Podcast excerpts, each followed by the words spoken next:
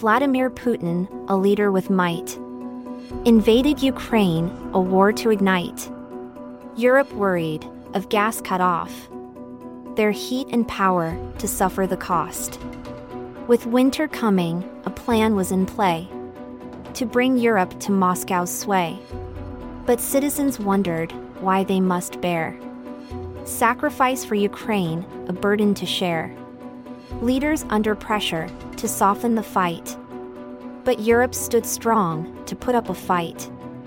Russia's winter weapon, a tool to use. But milder weather, their plan to diffuse. Coordinated efforts, gas consumption to lower. Putin's bargaining chip, losing its power. Europe's self interest to always pursue. Individual rights to always choose.